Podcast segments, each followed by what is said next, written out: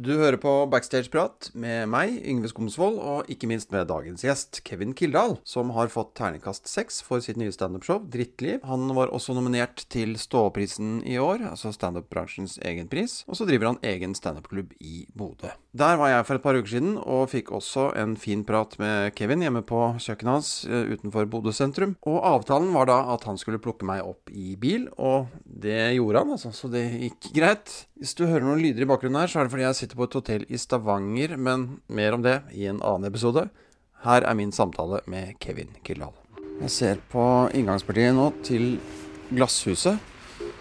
Det er det overbygde kjøpesenteret her i byen, hvor det ifølge reklamen alltid skjer noe spennende. Og nå skal jeg bli plukket opp av dagens gjest, Kevin Kildahl.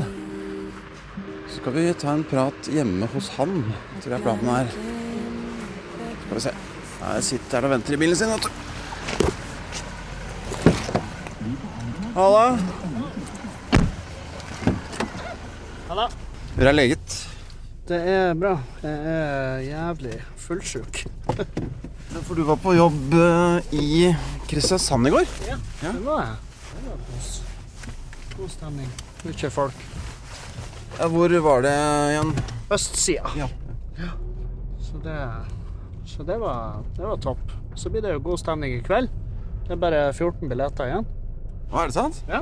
Ja, ja, så, så det blir kos. Så det, det vil si at eh, jeg har solgt hvor mange billetter? Det er solgt uh, Ja, du får gjøre matten sjøl. det er jo 60 billetter lagt ut, så det er jo ikke, det er ikke en enorm sal. Nei, nei. Ja, fortell litt om stedet. Vikingen pub i Ørnes. Vikingen pub på Ørnes. Det, altså, jeg har jo Mitt forhold til Vikingen er jo biffsnadder.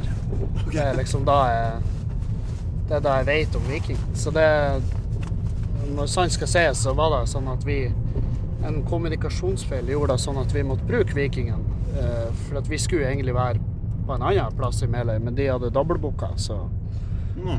så det var et sånn eh, Det var et sånn nødstiltak. Men eh, det ser ut som selv bra, og da er det jo Hvorfor ikke fortsette der, da? Hva slags sted er det? Jeg har hørt at publikum er litt uh, kresne der. Ja, du får ikke noe gratis i Meløy. Nei, nei, nei. Du, uh, du kan være verdensmester ellers i Norge, men uh, du kan ikke bare komme dit med, med den innstillinga. Der Nei. krever de noe. Ellers så Har du noe- noen eksempler på, på det? holdt jeg på å si? eller? Ja, altså jeg vil jo Stian Blipp, han øh, gjorde det jo ikke dritbra der. Eh, Så man skulle tro at han kunne få noe gratis i Meløy, men øh, det var kun Det var kun jenter etter show han kunne få gratis. Jeg tror han takka høflig nei. Hva, hva var det folk reagerte på? Nei, det var det, det var en sånn her eh, Det var en eh, gammel kiss som bare avbrøt han, for han sto jo selvfølgelig og beatboxa. Fordi at vitsene var De landa ikke helt. Det gjorde de ikke. Så begynte han å beatbox, som er jo sånn det er en fin eh, nødløsning. Jeg skulle ønske jeg kunne beatbox, da. Jeg hadde ikke gjort noe da. Men eh, det var en gammel kall som bare ropa etter han at «Øh, Ta og Gi faen i de lydene dine, så forteller du noen vitser. Så det var det var, en deilig, det var et deilig øyeblikk for meg, da. Litt sånn eh, eh, kosmisk rettferdighet.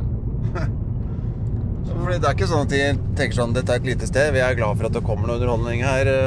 Det er, det er kanskje mye underholdning der? Jeg vet ikke. Nei, det er ikke det, Altså, kulturtilbudet i Meløy er ikke Det er ikke i full blomst, det er det ikke. Nei. Øh, og de, de er jo veldig glad for at det skjer noe der, men, men samtidig, når det skjer noe, så må det være bra. De kommer ut, og de kjøper billetter ikke sant, til eh, folk som de ikke har peiling hvem er, men de drar jo ut for det skjer noe. Ja. Men hvis de da drar ut og så leverer de ikke, så kan de være litt eh, kan de være nådeløse. Ja. Men hva, hva er det de setter pris på? Hva slags humor er det de liker der ute, liksom? Nei, det er alt. Ja. Ja, ja. Det er absolutt. Det er ikke noe at det må være f.eks. gråviser? Nei, nei. Det må det ikke. Så lenge det er morsomt, så han, Hans Magne Skard er jo ikke spesielt grov, men han drepte jo der ute. Ja. Ja, ja. Så um, Bergenskomikeren. ja. Så der, er- der er det eneste som går igjen, er at du må være bra. Jeg har, eh, jeg har tryna like ofte som jeg har gjort det bra. Ja. Fordi at jeg har, vært, jeg har stått mye i, i Meløy, så hver gang jeg er der, så er det nye tekster. Og det er ikke bestandig de eh, Nei, nei, nei. sklir rett hjem. Og jeg får ikke noe gratis, jeg, bare for at det er lokal, eh, lokalkjendis. Hvordan er alkoholkonsumet der, da? Det er jo litt eh, Det er jo klart, det, skjenkereglene der er jo litt løsere enn her i, i er, byen. er de møkkings, liksom? Nei, nei. Nei, det er det ikke. Og det har vi vært nøye på at, ja. at folk ikke skal være på de showene. Så det er heldigvis blitt tatt seriøst. Du, hvor, er det, hvor er det vi kjører nå, egentlig? Vi skal hjem til deg? Nå skal vi hjem til meg. Jeg håper ikke du er allergisk mot eh, katter. Nei, det går veldig fint. Hva heter det her? Det her heter Rønvikleira. Altså, sånne leiligheter som ser ut som du kunne vært på Aker Brygge, bare at de er hvite, da. Ja.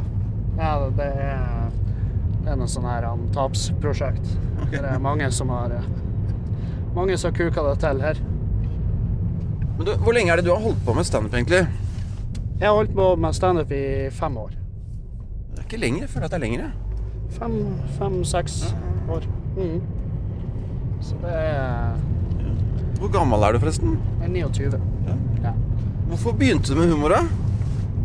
Nei, for jeg var jo eh, bestandig Det er den samme gamle historien. Jeg var klassens klovn. Ja, du var det. Ja. Han eh, så tøysa mye på nachspiel og, og eh, ja, var litt sånn Og så var jeg bestandig vært litt grov i humoren. Ja. Og så Og har vært kjapp med kommentarene sånn, så det hadde jeg liksom Så jeg ble utfordra rett og slett til å prøve meg, og så syns jeg det var jævlig artig. Så det ble en sånn Det ble en greie. Ja. Var du noe interessert i humor som liten, da? I, i oppveksten og sånn? Ja, det var jeg. Mamma var revyartist. Ja. Og så eh, var jeg veldig fan av uh, Oluf. Veldig Ja, fan av uh, revyer og liksom litt det her karakterhumoren. Kristian Valen syns jeg var drittøft før. Ja, du liker litt sånn revykarakterer? Jeg gjorde det. Ja, Men nå har jeg på en måte vokst ut av det. Nå er jeg veldig glad i sånn historiekomikere. Litt, sånn, litt mer substans i det. Litt mer sannhet. Litt mer sannhet, ja. Men du er litt nysgjerrig på den fascinasjonen for Oluf. Ja, fordi det, for meg som er fra Bærum, så, så knakk jeg aldri den koden helt. Men jeg skjønte jo at det var veldig stort, eh, blant annet her oppe, da. Sikkert ellers i landet òg, men kanskje mest i Nord-Norge. Oluf. Oluf, ja. Skjønte aldri helt greia. Han, han og han kompisen hans satt og lo seg i hjel på scenen, og, Ja. og, publikum lo seg i hjel også. Jeg skjønte ingenting.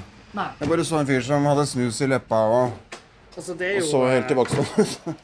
det, det klippet der, det er jo, eh, det er jo bare et eh, tegn på at, det de, òg kan eh, altså, fucke opp. Det var jo et klipp der de fucka opp. De fikk latterkrampe, begge to. Ja, så det var ikke planlagt, det. Nei, nei. Nei. nei. Sånn som Dizzie Tunes gjorde. Da skal vi Eh, Da går vi opp. Her er katten òg. Hei, katt. Ja, Hyggelig at du ville si mjau til, til mikrofonen. Jeg tar av meg skoene. ja, det kan du. Jeg liker at det er trapp med en gang, akkurat som en sånn sitcom-leilighet. Trapp rett opp. Ja, Men det er ikke stue her, da, men det står en lenestol midt i entreen her. ja. Hvem er det som pleier å sitte der, da? Der er pleier fruen å sitte. Og ser på inngangsdøra. Ja, men hun, hun er sånn, Når hun kommer hjem fra jobb, så er hun så sliten at hun bare setter seg der. Og så kan hun sitte i en time og bare henge. God idé.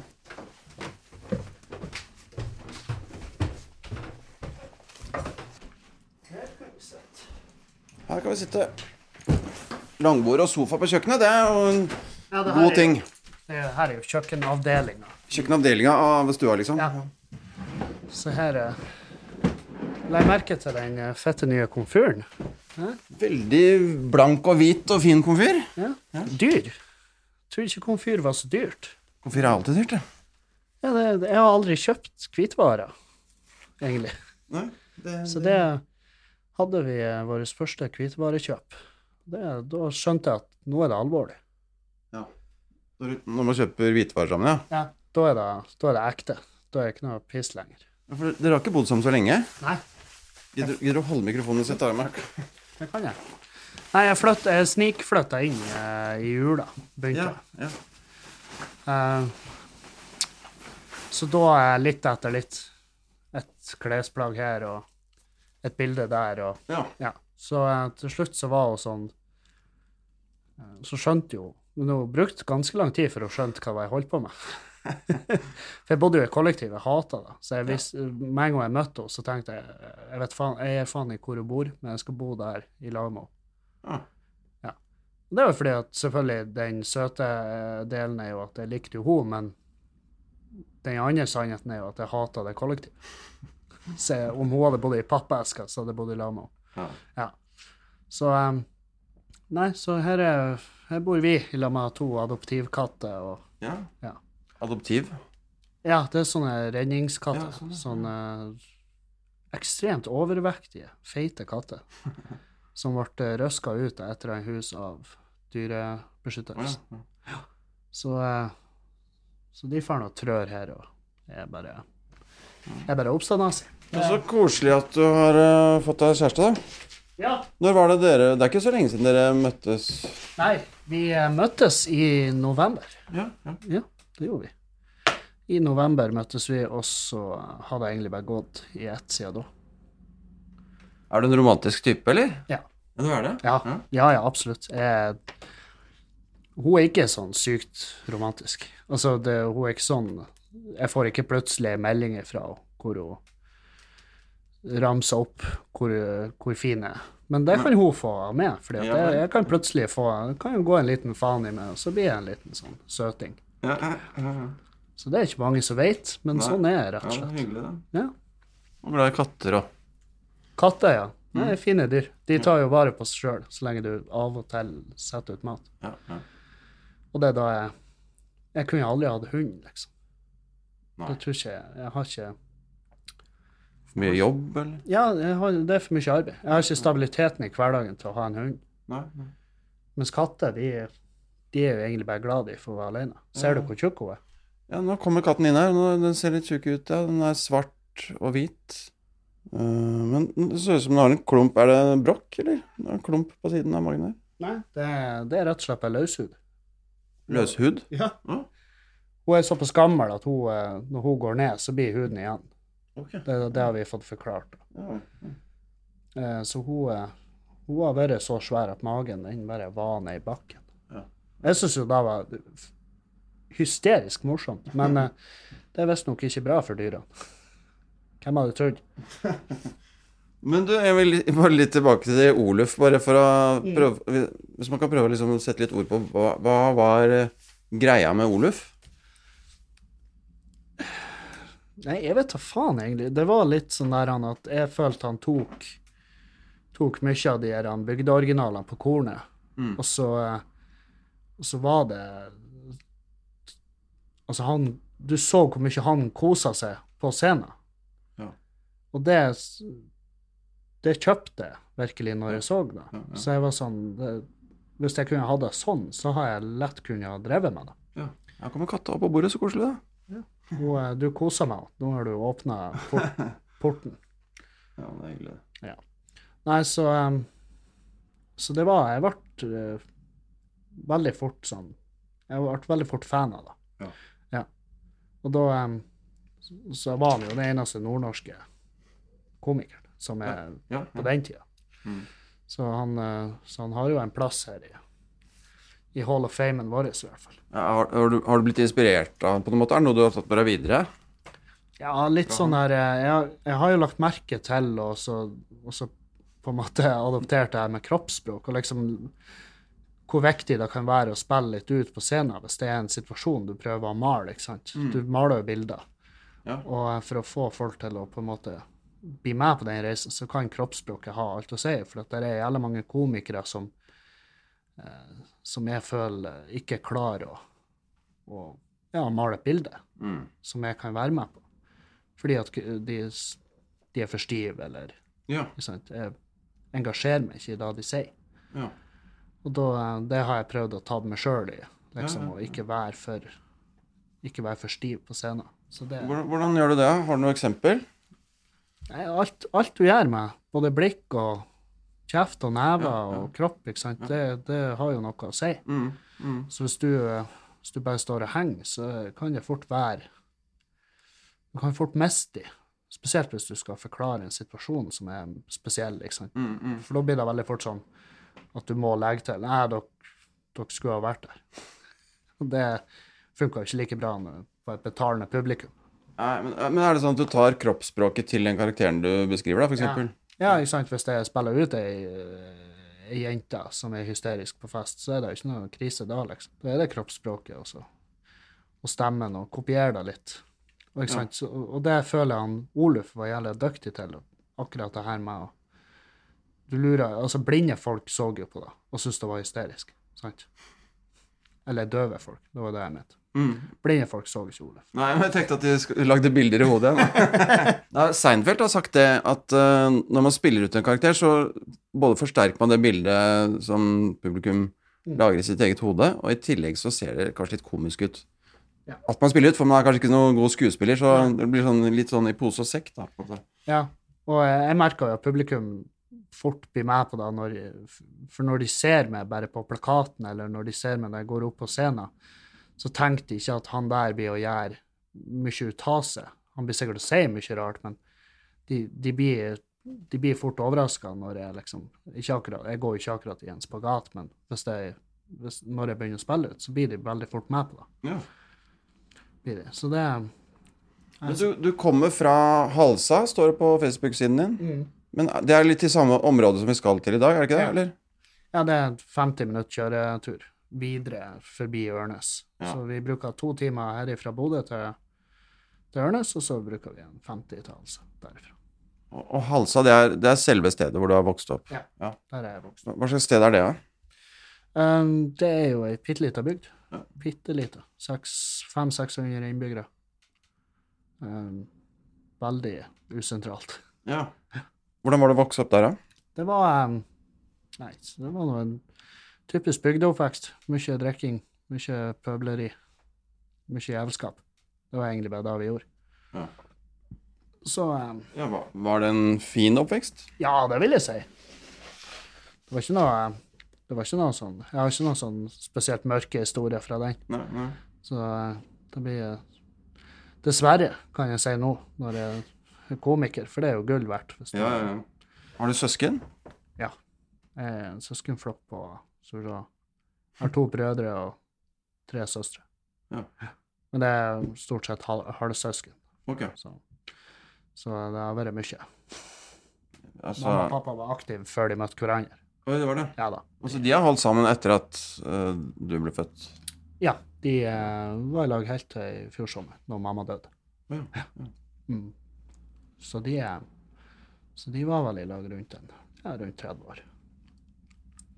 Og så hadde de unger begge to før forholdet deres. Har du noen helsøsken nå, eller? Jeg har en eh, lille, lillebror. Ja, ja. Han er, så han er to år yngre enn meg. Og det er jo det gjengen, ikke sant. Det er jo derfor jeg Jeg prater jo mye om det i showet, at jeg er jo han der ungen i søskenflokken som, som bare aldri klarte å slå meg helt til ro. Mens alle søsknene mine har jo barn, og de har jobb, og de har utdanning, og de har heim, ikke sant. Mens jeg har bestandig bare dassa rundt, drukket øl og fortalt vitser. Så det er liksom da Og det snakka jeg masse om i showet, liksom. Når mamma ble sjuk, så var jeg sånn at faen Hun kan jo ikke dø nå, for da er hun jo så stolt av meg. Jeg tegner jo kuker. Det er jo det jeg gjør. Tegner kuker og forteller vitser.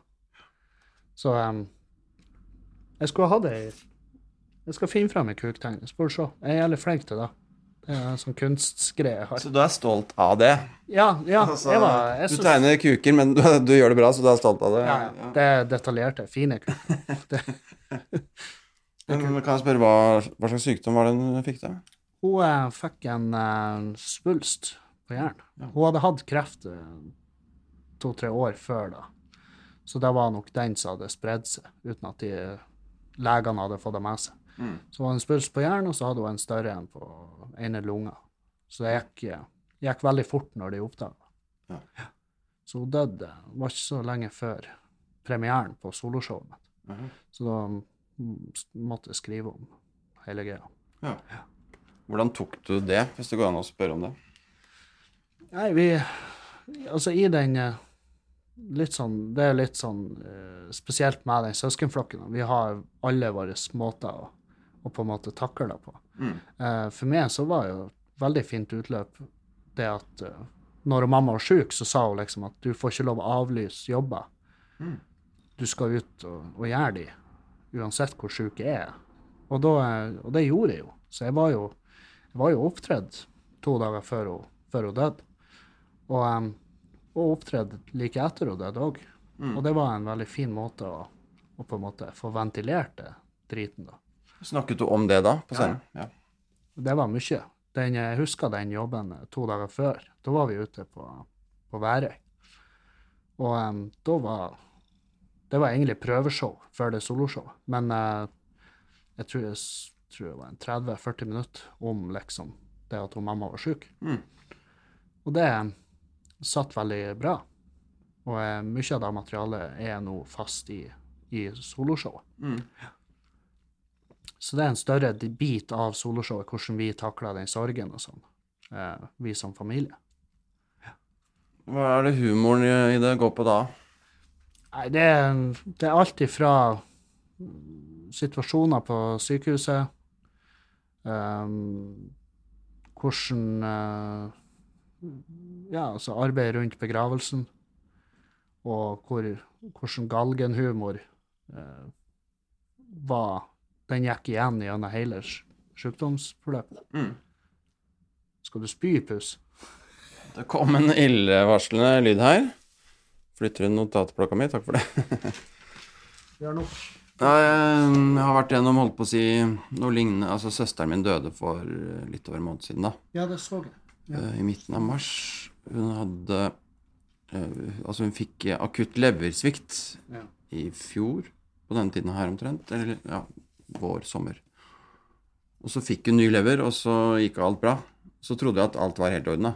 Mm. Og så ble hun lagt inn for en liten bagatell, og så bare døde hun Ja. under det oppholdet. Av uh, hjerneblødning, da. Oh, ja. Så ja, for meg er det litt, eh, litt rart å gjøre standup fortsatt. Altså Nå er det ikke så lenge siden, men, eh, men likevel. Jeg har gjort meg noen notater om ting jeg kunne tenke meg å vitse om. Jeg har ikke klart Eller gjøre standup på, da. Ja. Jeg har ikke fått det helt til ennå. Nei, det er jo da at um, Det er jo um, Mye av det materialet jeg skrev, var sånn Jeg fortalte jo flere av de tingene til og mamma før hun Ja, døde. ja. Og, ehm, og hun var jo kjempefan. Hun syntes gøy. det var kjempeartig. Og liksom, hun var veldig for at jeg skulle bruke det Ja. og prate om det. For hun visste jo fra før at det var ofte min måte å takle ting på. Ja. Og um, så var hun veldig fan av da at jeg kvitta meg med den karakteren som jeg hadde bygd opp som Arnt Finesse og det. Mm. For det syntes hun var eh, tull, at jeg skulle reise rundt med det, for hun syntes jeg var artig nok. Så hvorfor skulle jeg da ta på meg en karakter? Mm. Um, så, så når hun ble syk, så begynte jo det for alvor, det, den nedbrytinga av den karakteren, å bli kvitt den. Ja. For da la jeg jo ut på Snap at ja, mamma er syk, og liksom folk fikk på en måte være med og bli kjent med henne, og, så, og samtidig kjent med meg. med. For folk var jo sånn Helvete, han er jo en fyr. Mm. Han har jo Han finnes jo på ekte, ikke sant? Mm. Um, så, da, så jeg oppdaterte gjennom hele, hele prosessen. Gjorde. Og da um, Og det var mamma veldig for. Og jeg var veldig sånn spent når jeg skulle gjøre soloshowet, hva resten av familien kom til å tenke. Så jeg hadde jo søsknene mine og pappa og tante og onkler og sånn på soloshowet, på premieren. Og det var Det pusha jeg veldig fordi at jeg ville at de skulle se det. Og så hvis det var noen reaksjoner som var ille, liksom, at det var noen som syntes det her ble for mye, så kunne jeg få de der og da, og så slapp jeg å tenke på det videre. Mm. Jeg hadde Jeg tror ikke jeg kom til å endre noe, men jeg ville bare ha de med en gang.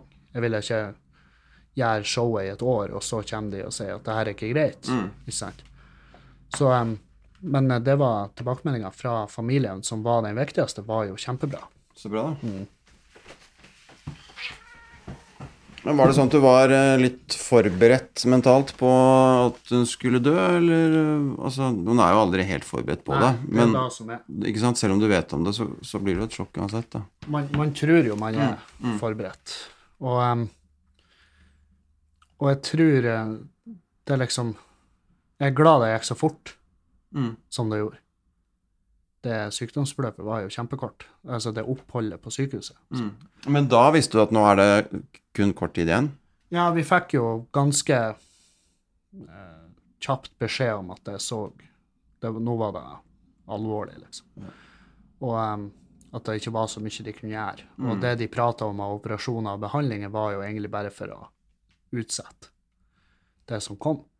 Og det husker jeg, det var en Det var en sånn eh, Jeg ble ikke like sjokkert av den beskjeden, for jeg tenkte at eh, Jeg vet faen, jeg tror kanskje bare jeg har bygd meg opp et bilde at ja, får du kreft i hjernen, så dør du. Mm. sant?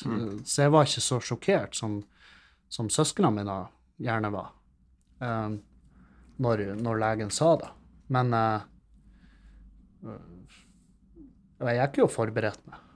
Men uh, når hun døde Vi var jo alle der, og, og det er jo en jævlig en jævlig ekkel sånn prosess, det der, med pustestopper og sånn, som er ganske voldelig, rett og slett. Ja, hvordan da? Nei, altså, du For når den, det presset på hjernen gjør at hun bare plutselig slutter å puste, så det var mye, det var mye røkninger, mye spasmer i kroppen, og, og de pustestoppene, de varer De kunne vare i ett minutt, de kunne vare i tre minutter, ikke sant? Og, og sånn som vi har Sånn som vi så da på henne på slutten, så, så tror jeg at eh, så tror jeg at hjernen hennes kobla ut før kroppen gjorde det. Fordi at de siste timene så var det egentlig bare den pustinga, den kunne vi ha stilt klokka etter. Det var liksom Det var ikke noe bevissthet der. Um, men det, da var det ekkelt å sitte der, for at da satt vi og Vi satt jo alle og tenkte, når hun hadde en pustestopp, at jeg håper det her er siste. ikke sant? Vi satt jo og håpa at hun skulle dø. For det var ikke noe det var ikke noe kult for oss, og det kunne mulig være noe kult for henne. Så, så vi håpa jo bare at hun skulle få fred. Det var jo veldig, veldig der vi var på slutten. Så det var jo nesten Når hun døde, så var det jo faen Det var, sånn, det var en sånn lettelse. Det var en nesten high five-øyeblikk. Så det så, um, så det var veldig sånn Jeg har jo hørt sant, prestens prester som har liksom sagt at eh, døden er en fin ting. Det er det jo på ingen måte. Det er hvis du, hvis du søvner. Da er, kan jeg skjønne. Da Hvis du sovner stille inn, ja. Ikke sant? fredelig. Ja. Men uh, det var, i mine øyne så var det ikke fredelig. ikke sant? Og sett i siste døgnet ikke sant? så uh, bygd seg opp med ja, bygd seg opp med slim i lungene, og du hører at hun sliter med å puste, og, og det er bare, bare trasig, rett og slett. Og da, da, var da husker jeg var det eneste jeg var sånn sint på etterpå. Det var at det var den kuken som sa til meg at ja, døden er en fin ting. Nei, det er jo løgn. Det husker jeg tenkte. Og, og etter da så var det jo Så begynte jo arbeidet med begravelse. Og da greier man seg jo ned i arbeid. Det er jo da Ja. det er Enormt mye arbeid. sykt. Sykt mye. Det burde så Bare noen kunne ha starta et firma som tok seg av sånne her ting. Men Ja, det, det fins jo. Vi skulle bare ikke benytte oss av det, egentlig. Ja. Så vi gjorde mest mulig sjøl. Mm. og det prata jeg litt om i showet òg, at uh, For jeg visste ikke hvor mye du egentlig kunne gjøre sjøl. Jeg visste ikke at du kunne frakte kiste og sånn sjøl, liksom. Du kan, du kan hive kista bak i bilen. Det er morbid som faen. Og heldigvis klarte vi å overtale han pappa til at det gjør vi ikke sjøl. Det er liksom kystryggsvei utover til Meløy. Du skal jo kjøre den en dag, så får du se. Du vil ikke ha en, en kiste bak i bilen med noen du er glad i da. Det Nei, Da nei, for, for man må jo faktisk ikke bruke begravelsesbyrå. Nei. Men det kan er man liksom ikke klar over. Du kan stelle lik sjøl, du kan faen meg gjøre alt sjøl, nesten. Det er forferdelig. Og det er for folk som gjør det. Ja, man, man vil jo ikke gjøre det. Nei, man vil jo, man vil jo ha minst mulig med det å Ja, ja. Så, um, så det, det var Det var en spesiell diskusjon å ha med gjengen, liksom. At, Ja. ja. For det var jo hennes ønske at vi skulle gjøre mest mulig sjøl. Ja. Ja, for hun hadde dårlig erfaring med begravelsesbyrået etter mora hennes døde. Så hun var sånn Ikke bruk de, de, de bare svindler penger. og så vi bare Ja, ja, det er greit. Og så når hun døde, var det sånn Ja, vi bruker de. Hva faen skal hun gjøre? Hjemsøke oss. Og det har hun ikke gjort så langt. Så, det, så, eh, Nei, det var det, det satt jo definitivt preg på meg som komiker og, og det Og på en god måte, i mine øyne. Og så blir det mer åpen type som tør å prate om ting. Mm. Og det har, så det har Det kommer mye godt ut av det elendige. Så, så det har hjulpet meg å vokse veldig. Så det er liksom det jeg ser på som, som det positive i det. Og så er jo selvfølgelig det her Det er jo kjipt at det må noe så alvorlig til, men jeg føler også at jeg kommer mye nærmere familien. Og, og jeg har jo hatt prat, samtaler med han pappa som jeg aldri kunne ha drømt om å ha. Liksom dype ting. For han er en, en han på innsida-type fyr, egentlig. Men han har jo visst ei helt annen side av seg. Så det er blitt det er blitt et mye bedre samhold i familien. Så, og det er jo sånn ja, så det måtte et dødsfall til for at det skulle bli sånn. Men det er jo sånn, altså de rassikrer jo ikke veier før det er gått et ras som har tatt et liv, ikke sant. Så det, er- Mm. så det er litt der, da. Det er litt typisk. Det er litt typisk. Og eh, man kan jo sette seg ned og angre på at man ikke gjorde det tidligere, men Mm. det er jo ikke godt for noe. Nei. God, don't leave me, I'll freeze. I panic in Hvordan så gutterommet ditt ut i oppveksten? Hva hadde du på veggene? Eh, ja, det var jo mye Jeg var jo glad i å tegne. Det var før jeg begynte å tegne kuker. Så jeg kunne tegne mye som Konan-krigere, og så hadde jeg plakater fra alt ifra Jeg var jo Jeg vokste jo opp når det som var ungguttidolene, var Backstreet Boys, så jeg hadde de på veggen. Og så hadde jeg Jeg husker jeg hadde en Iron Maiden-plakat. Jeg likte ikke Iron Maiden, men jeg syntes plakaten var jævlig tøff. Så eh, det, det var nok for meg. Jeg, jeg ville trodd det var motsatt. At du hadde Iron Maiden At du likte Iron Maiden og ikke Backstreet Boys. Men, Nei, jeg digga Backstreet Boys. Det var meg Det var greier. Og eh, vi had, jeg hadde et par Fengende musikk. Da. Ja da, det var, det var guttene sine. vi hadde et par gutter i klassen som var sånn. Metallica og Iron Maiden var det eneste. Og jeg, jeg, bare, jeg så på de som satanister. Jeg syntes det var bråk. Ja, ja. Jeg gjorde også det. Så, um, men nå i dag så kan jeg høre på den musikken og tenke at det er jo faktisk ikke så ille. Så jeg skjønner ikke hva Men jeg var, jeg var vel en, eh, en eh, sårbar sjel når det gjelder musikk. Må ta noe rolig. Ja, Og eh, jeg hører ikke på Backstreet Boys i dag, men jeg hører på Metallica. Det kan jeg høre. nettopp. Men du, du ble tidlig stor på Snapchat. Fortell om det. Ja. Det er jo den karakteren som er bygd med. Ja. Som, Som du kalte Arnt Finesse. Ja. Som var oppkalt etter Arnt Arnt Finesse. Ja. Hvem var det igjen? det er en uh, kjent og kjær norsk seriemorder som uh, opererte i Orkdal. Ja. Eh, han var sykepleier Ja. på et uh, gamlehjem der, eller et sykehus, da. Ja. Så han tok livet av en del folk med kurasitt. Stemmer. Og det Jeg vet faen hvordan jeg kom over det. Jeg tror jeg, For jeg har, når jeg var yngre, så hadde jeg en sånn fascinasjon for seriemordere. Jeg syns det er mye sånn det, det, er- sånne mennesker som man leser om, og så skjønner man ikke hvordan det går an. Mye av det de har gjort, ikke sant? Ted Bundy og, og masse av de. ikke sant? Så googler jeg fram norske seriemordere. Og da ble jeg veldig fascinert av Arnfinn Nesse, fordi at det som fikk han tatt, det var jo bare regnskap, liksom. Fordi at det sykehuset brukte så mye kurasitt, Ja. og de skjønte ikke hvorfor. Og så så de ja, det er jo også en del folk som dør her av forkjølelse, så det er jo litt spesielt. Og da og det, liksom, det er bare tilfeldigheter som gjorde at han ble tatt. Og da etter Jeg leste mye om han, og så når jeg begynte med standup og hadde jo Da var det jo så mørkt som mulig materiale. Jeg skulle være så drøy som mulig. Jeg skulle liksom Det var min tanke med standupen min det var at jeg skulle etablere meg som den jævligste komikeren i Norge. Og jeg satt igjen med mye vitser og mye humor som jeg til slutt ikke kunne egentlig sitte inne for. Altså stå inne for. Ja. Jeg kunne jo ha sittet inne for det. Men hvorfor valgte du den stilen? Jeg, vet, jeg er litt usikker, egentlig. Det, det har liksom vært de eh, Det har jo vært mye av den humoren som har gått i guttegjengen, og liksom den jeg ble eh, flinkest på sjøl. Mestra sjøl. Eh, for jeg har egentlig aldri vært noe flink å prate om meg sjøl. Og i hvert fall ikke å utlevere meg og liksom innrømme ting som jeg har gjort eller vært med på. og sånn.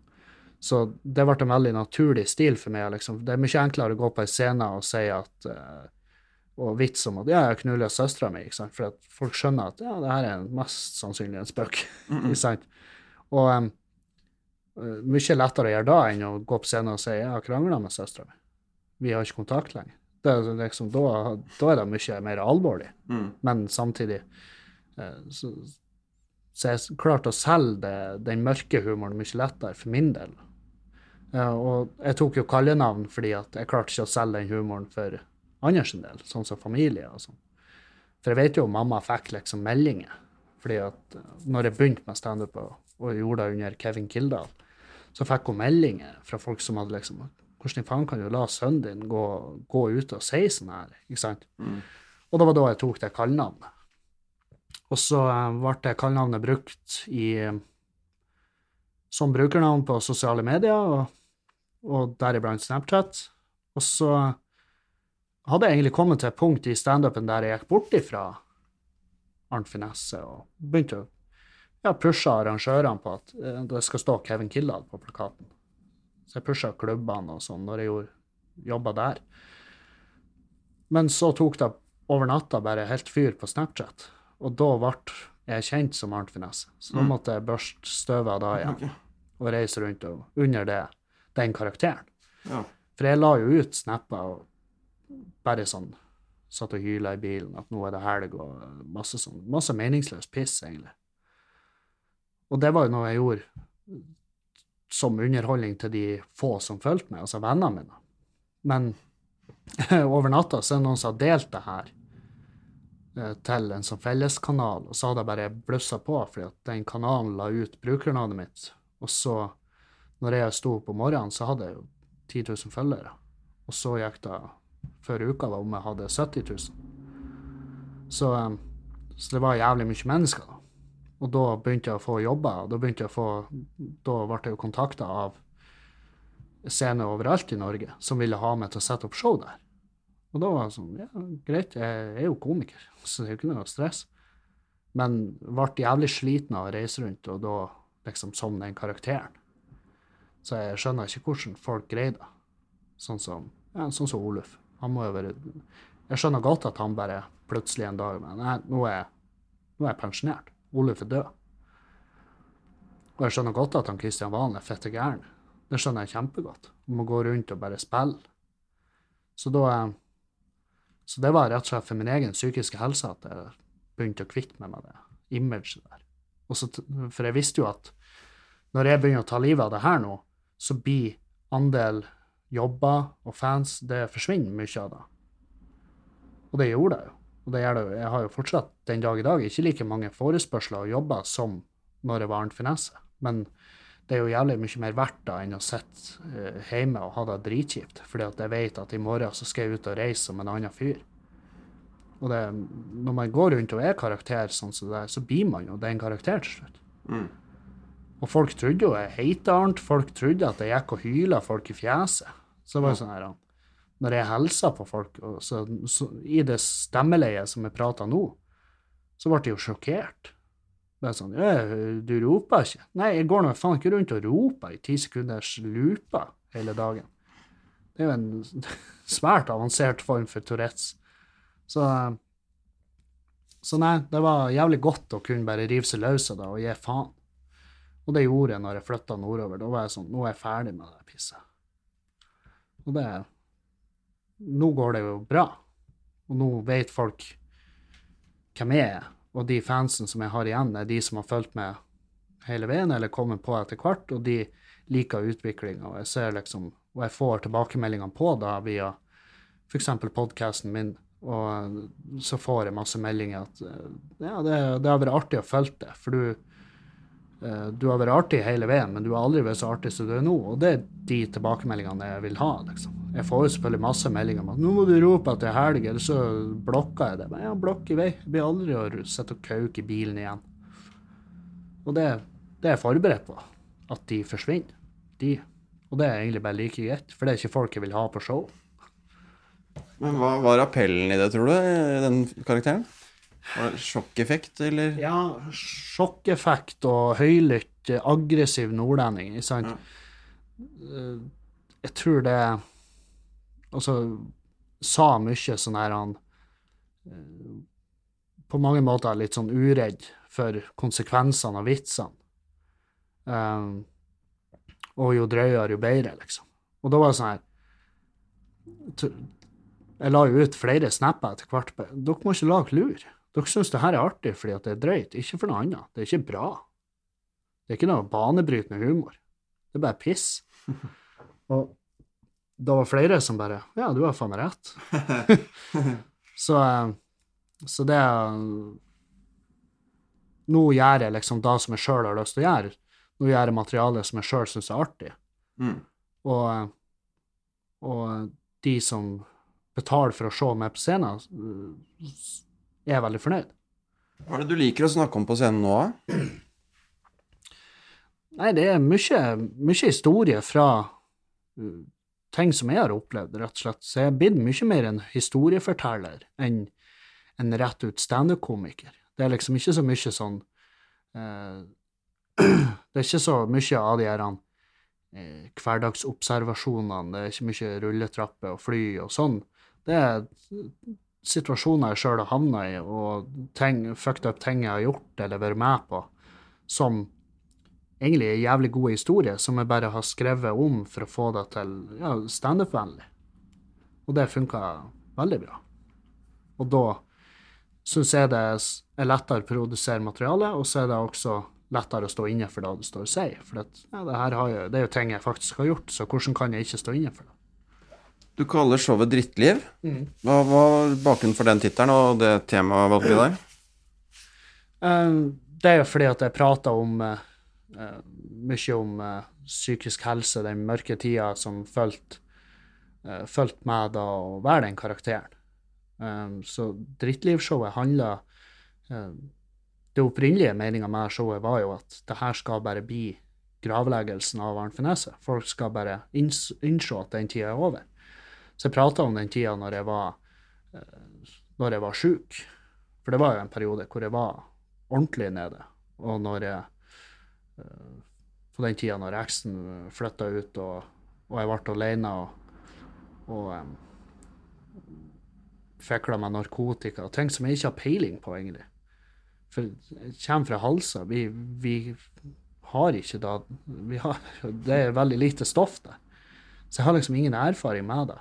Det eneste jeg visste, og da grunnen til at jeg liksom brukte det, det var jo fordi at jeg visste at det her på et eller annet vis ødelegger meg. Så det var jo, det var jo rett Det var ren sjøldestruktiv eh, holdning.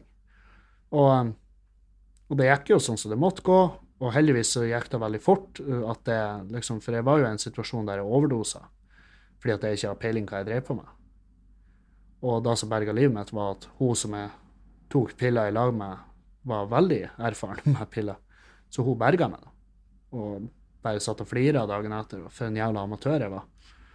Uh, mens jeg tror inni meg at ja, det var noe jeg gjorde med vilje, egentlig, for å liksom Ikke for å nødvendigvis ta livet av meg, men for å gjøre det alvorlig. For det, jeg var jo i terapi en stund, og, og han terapeuten min han sa jo liksom Han kaller det for sånn broken artist-syndrom.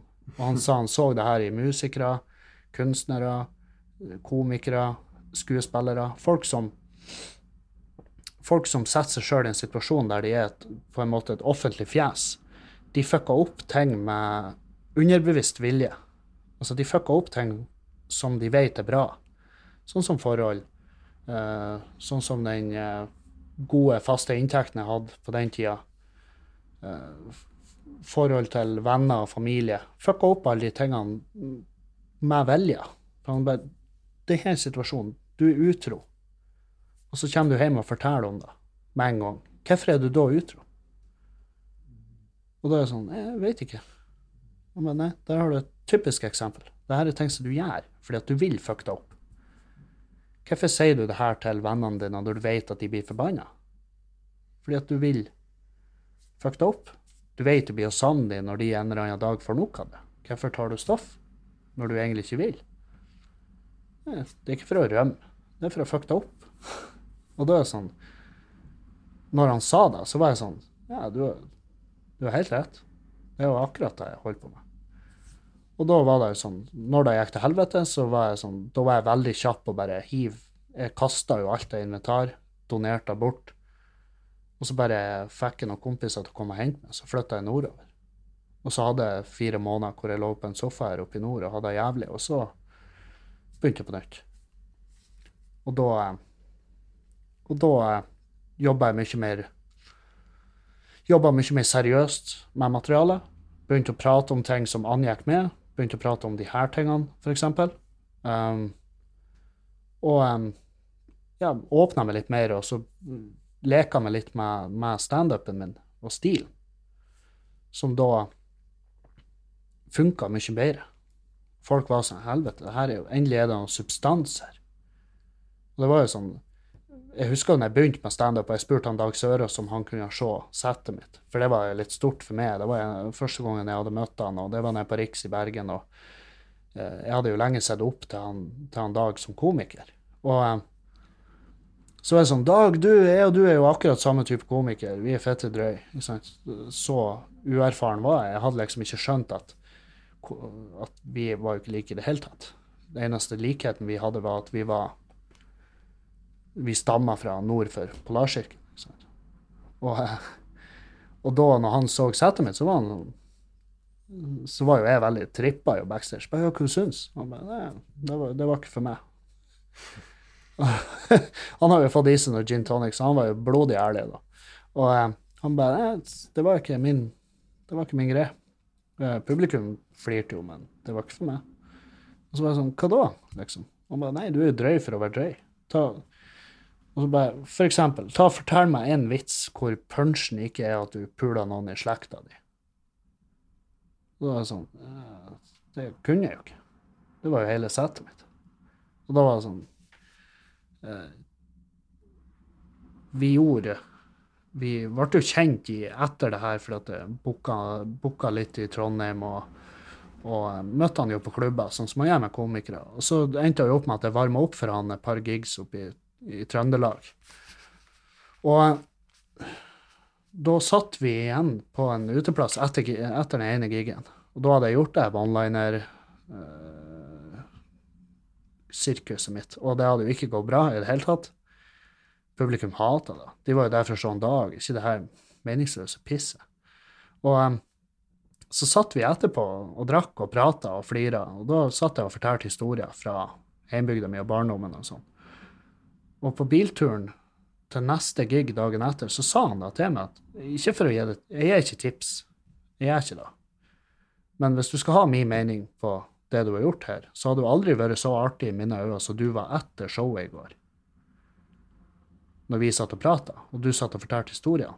Det var mye artigere enn det du gjorde på scenen, i mine øyne. Da var jeg sånn Ja, jeg syntes òg det var artig. Så den kvelden prøvde jeg meg på det. Da kasta jeg det one-liner-settet, og så tok jeg ei av historiene og fortalte det på scenen. Og det publikum elska da. Og da var det sånn Ja, det her trivdes jeg bedre med sjøl. Så det liksom, det var Og Dag syns jo det er kjempeekkelt når jeg ser han inn i øynene og sier at ja, du endra på mange måter stilen min. Det var faktisk du som endra stilen min, uten at du egentlig mente det. Eh, han syns jo det er kjempeekkelt å få den type ros, men han, han var jo det, definitivt. Og um, så det var sånn jeg vokste som komiker. Og da Det var liksom Det var det jeg trengte til sparket i ræva, rett og slett. Så da var det deilig å bli kvitt det, den stilen, og så bytte til noe som som jeg sjøl er behagelig med. Og så er det jo å skrive ti minutter med one-liner. Det tar jo faen meg kjempelang tid. Det one-liner er Det kommer du jo på der og da. Og du, du kan ikke sette ned og liksom skrive one-liner. Det har jeg aldri fått til. Så det å skrive ti minutter med materiale kunne fort ta et år. Mens nå, når jeg liksom tar ting som jeg sjøl opplever, eller ting som jeg sjøl føler, eller har ei holdning til, går mye fortere. Og mye enklere å skrive, og mye bedre humor, i mine øyne. Hvordan jobber du med tekst, da? Nei, hvis jeg Hvis jeg har eh, Jeg har jo noen historier, ikke sant. Jeg skal jo kanskje være med dere i kveld, hvis jeg er i form til det. Eh, da er liksom Da har jeg historier som gjerne er noe litt sånn på kanten og fucked up som jeg har opplevd eller gjort sjøl, eller Og så kan jeg skrive ned hele den, og så kan jeg sette meg og se hva grep kan jeg gjøre her for å eh, tagge den opp med Ja, altså få inn tags, og gjerne få Tags, da tenker du på ja, altså sånn små uh, morsomheter igjennom for å holde publikummet med på historien. Mm. Eh, få inn de små latterne hele veien. før den, eh, og, og da når du gjør en sånn historiefortelling, så er det ikke nødvendigvis trenger ikke nødvendigvis være en sånn grand finale på den. Ja. Nei. Må ikke da. Og da for da, når jeg gjør det på show og sånn, så glir jeg jo rett over i neste historie ofte. Og det har funka veldig bra. Og noen historier har jeg jo en naturlig punch på, men det er ikke den jeg jager. Jeg vet jo om komikere som skriver punchen først, og så liksom Det her skal være min. Det her skal være poenget. Og så begynner jeg å forme ut vitsen før det. Men jeg har aldri fått til den måten å jobbe på. Så det er mer at de skal ha det morsomt underveis. Ja, det må ikke ende med den, den enorme latteren. nødvendigvis, Så lenge de har det eh, artig hele veien. Og, da, og det har jeg gjort med hele Drittlivshowet. Det er ikke noe sånn Det er ikke noe definitiv closer på det, vil jeg, vil jeg ikke påstå. Um, det er stemninga i salen som setter hva jeg går av på. Og det, sånn, det forandrer seg veldig. Jeg har gjort det showet på jeg har gjort det på 1 time og 10 minutter, og jeg har gjort det samme showet på 2 timer og 30 minutter. Så det, Hva er det som gjør at det blir så mye lengre? Det er um, Er, er det improvisasjon Ja, der og da, eller har du, har du en ekstra settliste som du går over på? Jeg, har- jeg har jo Jeg ser jo i dag, jeg har jo korta ned showet, jeg har jo kutta ut masse. Uh, Settlista er jo Sjøl om jeg gikk gjennom Jeg gjorde hele settlista på premieren. Men nå i dag, når jeg gjør showet, så det er halve settlista. Fordi at de bitene som jeg føler er viktigst i showet, de har bare vokst så veldig. Og så er det mye improvisasjon. Hvis det er dritgod stemning, så er det mye improvisasjon. Og hvis, hvis det ikke har Hvis jeg føler meg liksom behagelig med det, så improviserer jeg mye. Um, og det går jo dessverre ofte hånd i hånd med alkohol, men jeg prøver jo ikke være Jeg vil jo helst huske showene, at jeg har gjort det. For jeg har jo gjort show og våkna dagen etter og bare må ta tilbakemeldingene på eventen som god fisk, for jeg husker ikke en dritt av det sjøl. Men klarer du å levere når du er full av? Ja, det gjør jeg, det vet jeg Ja. Men, eh, men det er jo en det er jo Både en fordel og en ulempe? Det. Ja. Uh, Ulempen er jo definitivt at når du improviserer noe som er bra, så har du ikke noe form for minner av det. Um, og så er det, det er jo selvfølgelig, hvis du er fucked up, så kan det jo gå til helvete. Mm. Og da, hvis det går til helvete da, så blir det ikke sånn Da er ikke forklaringa at jeg hadde en dårlig dag. Da er jo det jeg vil høre i ettertid, at nei, du var full. Mm. Det er jævlig uproft. Mens hvis det er bomba og er edru, så er det sånn. Da kan jeg skylde på dagsform eller Mm. Mm. det var ikke min dag. Var ikke i form. Men hvis jeg har vært full og fucka opp, så er det, har det jo ingenting med dagsform å gjøre. Da er jo den grunnen folk setter fingeren på, er jo at du var full. Mm.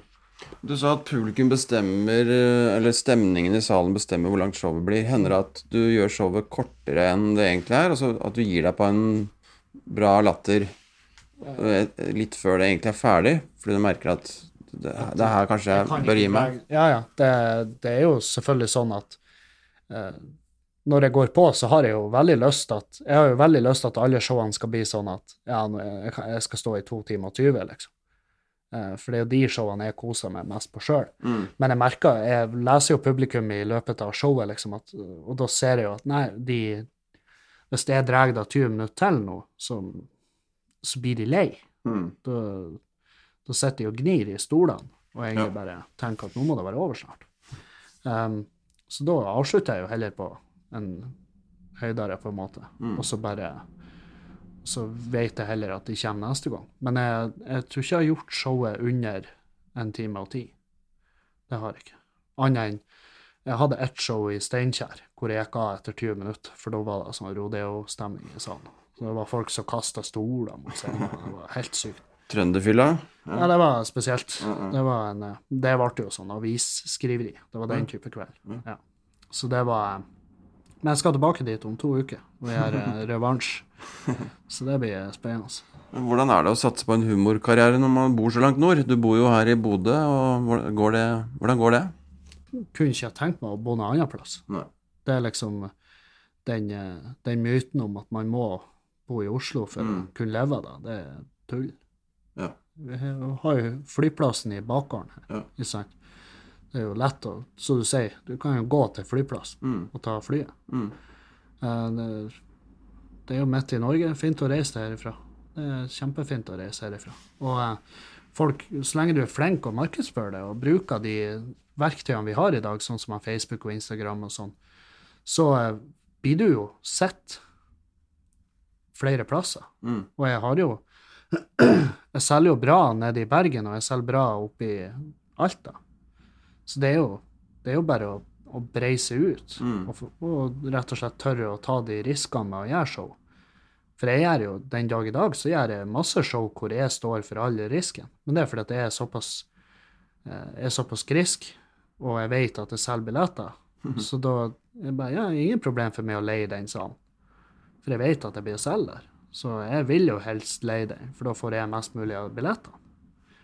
Um, og det er jo Jeg vet jo det er flere komikere som bare Nei, de skal ha den garantien før de reiser. Ikke sant? Mm. Eh, jeg skjønner jo det, men jeg, jeg har aldri jaga den. Jeg gjør det på min måte, og det har funka dritbra til nå, så jeg blir jo å fortsette med det. Så ja, derfor har ikke jeg stressa med, med signa eller eh, eller å Altså, jeg jager ikke der han å stå på klubbscener på Latter, og det For det, det er ganske det, det er ganske lenge siden jeg, jeg kom til den eh, til den konklusjonen sjøl at jeg, jeg liker ikke sånn så, måten det blir drevet på. Og da er det sånn jeg, Det er ikke lenger i mine øyne det enorme kvalitetsstempelet at man står der. Og da er det sånn Hvorfor skal jeg, hvorfor skal jeg jage da, sjøl om alle andre gjør det? Mm. Måten det blir drevet på, hva tenker du på da? Nei, altså, jeg ser det, Ikke sant eh, La oss si eh, Jeg vet om komikere som er mye mer dreven enn meg, og som er fantastiske komikere, som ikke får lov å stå der eh, fordi at eh, en eh, ektemann av ene som driver der, han syns ikke han er artig. Så da får ikke han stå lenger. Det er ikke gyldig grunn. Nei, det er ikke en gyldig grunn i det hele tatt. Og så er det folk som står der kun for å selge billetter. Det er folk som, eh, når de liksom henter inn folk fra Skam og bare setter de på plakaten til en produksjon som eh, komikere ellers må eh, De må blø for trøya i årevis for å få en mulighet til å bevise at de er bra nok til å være med der. Og så, og så bare Nei, nå satser vi kun på billettsalg. Og da går jo billettsalget foran kvaliteten og komikerne. Og da, og da blir jeg, blir sånn, jeg blir bare frustrert når jeg ser det. For det er sånn, jeg vet, jeg kjenner så mange komikere som jobber steinhardt for, da de, for å kunne jobbe med det her. Det er folk som er i dagjobber som de hater. Men det er i dagjobber som akkurat betaler så mye at de kan reise rundt og gjøre standup. Og så kommer det folk som egentlig ikke har fortjent plassen som de får der. De går rett forbi fordi at de har et eller annet fra tidligere som til syvende og sist kan betale husleia til Elina. Og det er liksom eh, Det har jeg ingen problemer med å si, for jeg, jeg har aldri fått en jobb av Standup Norge, og jeg står ikke på klubbscenen der. Jeg jager ikke, og jeg, ikke, jeg hopper ikke gjennom brennende ringer for verken Elina eller Kristina. Og da jeg da er det veldig godt for meg å kunne bare si de tingene som jeg tenker, for jeg syns det er piss sånn som det blir drevet. Og jeg vet jo at det er en mening som veldig mange har, men det er veldig mange som ikke kan si det. fordi at det lille de har av eh, inntekt via standup, er jo de her eh, små firmajobbene de får der. Og det Jeg syns jo synd i dem. Det er jo trist. Eh, Det er en sånn hersk som foregår der, og det, og det er blitt det blitt giftig. For det, det til syvende og sist så gagner det ingen. Gagner ikke miljøet, gagner ikke komikerne, og det gagner ikke publikum. Og til syvende og sist så vil det jo ikke gagne Elina heller. Så jeg skjønner ikke hvorfor de styrer altså. At, for jeg er ikke, jeg jeg er ikke utdanna via BI eller egentlig noe som helst, men jeg ser jo at uh, det der kan jo mulig gå bra til slutt. Det kan være en quick fix akkurat nå, men uh, Hvis det blir sånn at folk får ei sånn holdning til standup at nei, det er sånn og sånn, og da ender det med at de slutter å dra og se det. Det er balanse mellom kunst og kommers, da. Ja, ja og den skal, den, er, den skal jo være der. Men nå ligger balansen øh, mye mer Altså, den er- handler jo mer mot kommers. Og det er billettsalg som gjelder. Det er ikke nødvendigvis kvalitet. Og det er veldig trist. For det er jævlig mange komikere som skulle ha stått på Latter fast, som ikke får lov å gjøre det, fordi at de har en eller annen gang sagt noe feil. eh, og så er det komikere som absolutt ikke skulle stått der, som blir pusha som faen. Og fordi at de er kjempeflinke og slikker rævel. Og da er det sånn ja, Det er trist at det er rimminga som skal få folk fram, og ikke Hvem skulle trodd det? ja. Og det, det er kjempetrasig, syns jeg. Og derfor så jager jeg ikke da. Og det er liksom eh, Hvorfor skal jeg stå på Latter når jeg setter opp showet? Jeg setter jo opp show på John D. Jeg setter opp det andre showet mitt der nå, i mai. Og det- Hvilken dato da? 12., tror jeg. Jeg må, jeg må sjekke. Så ikke, jeg vet ikke hvor mange lyttere du har på podkasten din, men det er jo kanskje noen i det området som kunne tenkt seg å se det show. Uh, det er jo uh, rett og slett 9. mai. Ja. Onsdag 9. mai på John D. Um, og da er det Drittlivshowet. Andre runde. Ja. Så det, det var jævlig god stemning sist. Det, Ja, vært, andre runden, du har, du har vært på John D før, ja? Mm. ja. det var, jeg var der eh, Jeg var der nå eh, Det var like før jul, tror jeg. Og eh, det var helt fantastisk. Jævlig kul scene. Mm. Kom folk òg? Ja, det var fullt. Var det noe, var det noe butikk å sette opp det showet der på John D? Ja. Ja. Absolutt. Mm. Det Altså Det er jævlig lenge siden jeg har stått i Oslo. Mm. For jeg har ikke fått det til å passe med Josefines eller dattera når jeg har vært i området. Mm. Um, så til slutt så spurte jeg spurte bare han Stian i iStage om han kunne hjelpe meg og bare sette opp det showet. Jeg ville kjøre det i Oslo. Og så uh, satte han meg egentlig bare i kontakt med de på John D. Så leide jeg John D for en kveld, og så gjorde jeg showet der. Og det gikk jo så da sang jeg etter. Mm. Og, eh, og det er proffe folk, og det er kule scener, og, og da når i tillegg det er publikummet som har ganske lenge etter eh, Altså, de har jo etterlyst at jeg skulle ned og gjøre show der. Så når jeg da endelig fikk komme ned og gjøre det, så var det jævlig godt. For da følte jeg lukka et kapittel som jeg egentlig altfor lenge har ligget åpent. Så kult. Ja. Mm. Så driver du standup-klubb her i Bodø også, Standup Bodø, sammen med Erlend Osnes. Ja. ja. Og den er jo Vi er jo høvelig nyoppstarta etter eh, For det har vært litt sånn det har vært litt sånn styreforandringer. Erlend var lenge ikke i eh, Det var ikke han som drev en stund. og uh, trenger ikke å nevne navn, men uh, så når vi tok over klubben, så kom vi jo ikke akkurat til dekka bord igjen. Uh, det var mye som måtte fikses i, mye forhold til både uteplasser og eh, lyd- og lysleverandører og andre komikere. Så, så det, nå føler jeg at vi er på tur å etablere oss igjen som klubb. Og vi har fått eh, to veldig fine scener her i byen som vi eh, trives på. Og eh, så jobber vi litt med den lørdagen om vi skal Vi kjører tre kvelder, liksom. To kvelder i Bodø, og en eh, så har vi vært Den siste kvelden har vi brukt å være enten i Meløy eller på Fauske eller alt etter hvor det er ledig. Men vi vil ha inn en fast der. Det er liksom det som er håpet vårt. Uh, og da og da kunne kjøre tre kvelder og så få ordentlige, ordentlige komikere oppover. Og da, det er jo, du er jo en av de. Uh, men det er jo liksom det her å lære publikum at det er lov å fære ut sjøl om du ikke nødvendigvis kjenner igjen navnene. ja. Og det, og det er jo problemet overalt. Men jeg vil ikke at det her skal bli en sånn klubb der vi må jage noen som har et eget TV-show. Eh, fordi at eh, For meg så er det godt nok at det er bra komikere. Og da vil jeg jo selvfølgelig få de opp hit, og at folk kommer ut og ser det. For vi har jo booka folk som er kjent fra både film og, eh, og serier og sånn her på TV, som folk, som folk betaler for å se. Men når de går hjem fra det showet, så går de jo hjem med, med den meninga at fy faen, han der andre komikeren der, han var jævlig bra. Han har jeg aldri hørt om. Ikke sant? Mens at Så det, det, det er synd at det er da som må til, men folk lærer da sakte, men sikkert at det er ikke nødvendigvis et navn som det, det er ikke parallelt med kvalitet. Så, så, så når jeg står For jeg og Erlend, vi har jo Vi selger jo mye billetter i Bodø når vi står. Mm. Eh, men det er jo ikke sånn at vi kan stå eh, på rundgang hver klubbkveld for å selge billetter. Det blir jo for dumt. Men det er jo flere ganger at eh, når jeg har stått på klubbkveldene her, og så har vi solgt masse billetter, og så er det veldig mange av de som kommer med den tilbakemeldinga at ja, altså, det var kult, men eh, jeg, jeg må bare være ærlig, du var på ingen måte best. Jeg bare nei, jeg vet det. Men du er jo her på grunn av at du har sett en video av meg i bilen. Ja, ikke sant. Og du går hjem herifra, og så har du lært en ting, og det er at det fins ting der ute som du ikke har hørt om, som er dritbra. Og mens de tingene du har hørt om, kanskje ikke er så bra.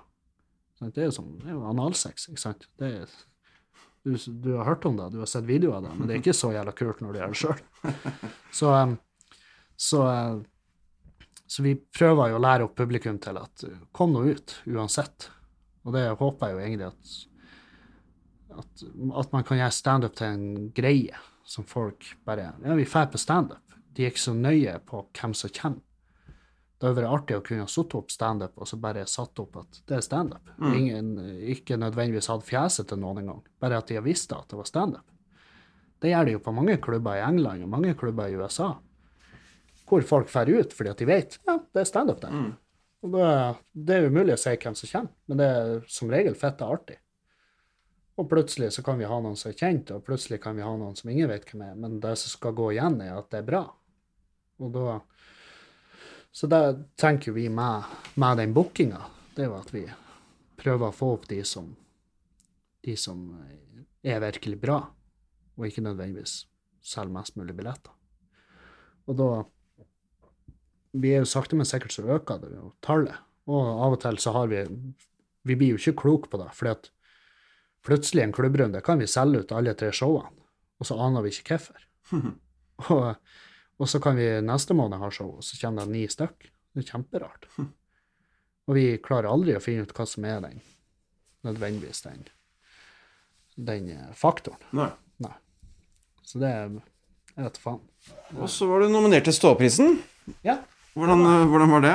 Det, det var jo artig å være slusa inn som årets nordlending. Standup-miljøets egen pris, ja. Ja.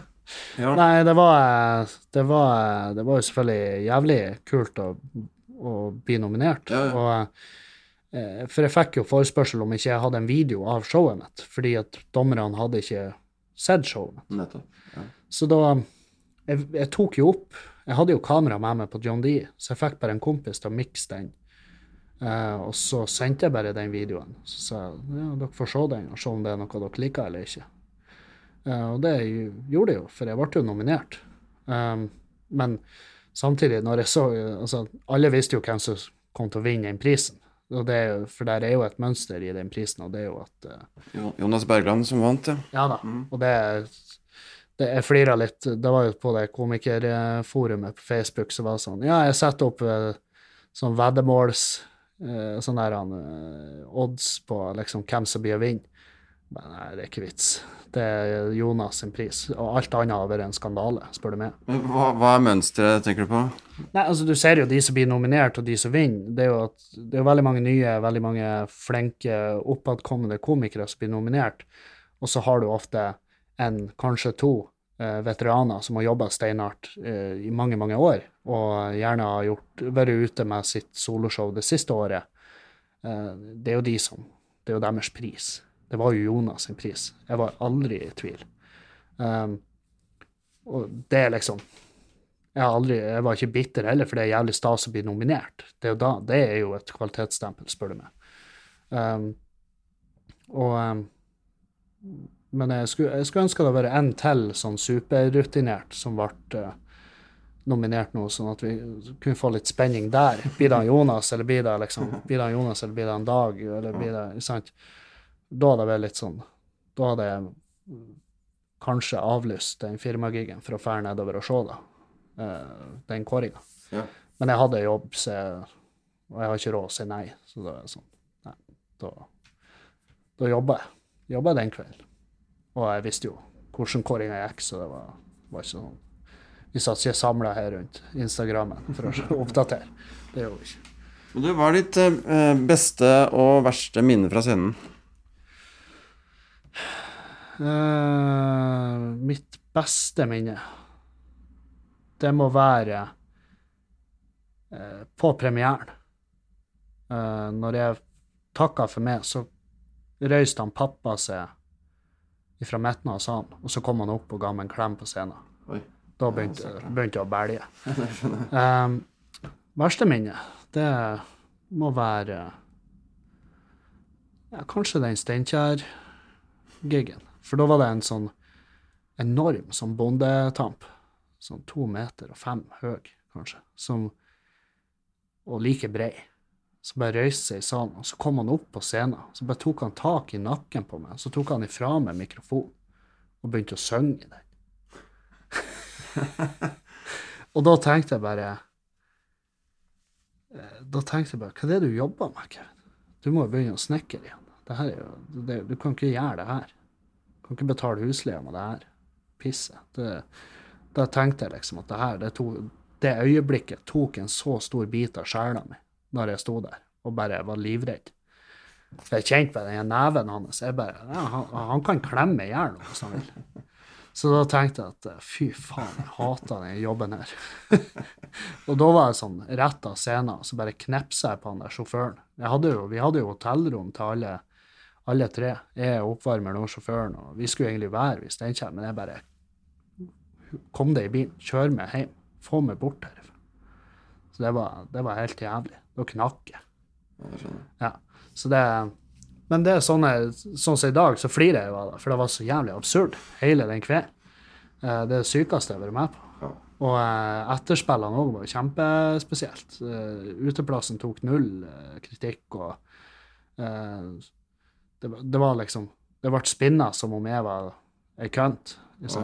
Og, men heldigvis, det publikummet som var der for å se showet, de var jo veldig aktiv i både sosiale medier og i aviser, liksom, at eh, det her var Det var oss som Steinkjer-publikum sin feil. Det var ikke hans feil. Det var oss, og det var uteplassen. Uteplassen hadde ikke vakthold. Det var ei vakt der, han sto og drakk i baren og flira. Eh, de overskjenkte. De hadde jo happy hour før show. Det var kjøp en drink, få to. Det var helt sykt. Så eh, Og uteplassen gikk jo ut og bare Nei, vi har ikke gjort noe feil. Vi hadde skjenkekontroll her tre timer etter showet, og da var jo alt OK. Ja, se, men jeg jobba i utelivsbransjen. Hvis dere hadde hatt skjenkekontroll der mens jeg sto på scenen, så hadde de faen meg, da hadde de spikra igjen døra og vinduet der med kryssfiner, så dere aldri åpna igjen. Uh, så det var, det var sånn der Det var jævlig kjipt. For da har jeg gjort showet så ofte og så mye at jeg visste at showet er, det er dritbra, liksom.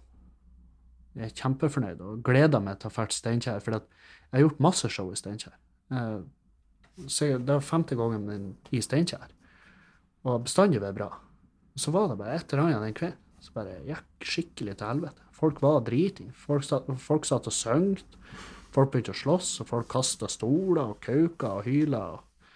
Så det var sånn Det her er jo et togvrak. Og, eh, men samtidig veldig Nå i dag så er det jo veldig deilig med de gigene, for det er jo det vi går på scenen og vet at Du vet jo ikke. Det kan bli sånn. Og det er liksom Det er jo ingenting som er skrevet i stein. Så hvis du sitter backstage og bare 'Jeg skal bare opp og, eh, jeg skal bare opp og rive huset', og så kommer du av scenen og skjelver som et aspeløv, sant? Det er så deilig hvor, hvor farlig det er å være cocky og liksom tro at 'Nei, det her blir bra', og så kommer du av, og så har du selvmordstanker. Så det er liksom det, det kan gå fra himmel til helvete jævlig fort, og det er egentlig veldig artig. Du skal kanskje være med i dag. Du sier at du er litt sjuk. Eh, Jeg er litt uh, pjusk. Jeg var, jeg var jo på torsdag òg, jeg var dårlig da, og så skalla jeg i den her uh, murdøra, døråpninga til backstagen på Nordlendingen. Ja, ganske lav, den. Ja, den er kjempelav. Jeg skalla jo, så jeg, jeg fikk jo Jeg dro jo en, en hjernerystelse. Jeg lå jo og spydde hele natta. Ja. Så eh, eh, så eh, ble det jo litt seint i går i Kristiansand, så jeg er ikke sånn sykt pigg. Så jeg håper jo at eh, en av dere komikere har lappen, så skal dere få låne bilen min. Ja. Hvis du blir med, hva skal du snakke om på scenen da? Um, hvis jeg blir med, så skal jeg Jeg har to som jeg driver på og skriver på. Det er en greie om utroskap. Eh, og så har jeg en greie om eh,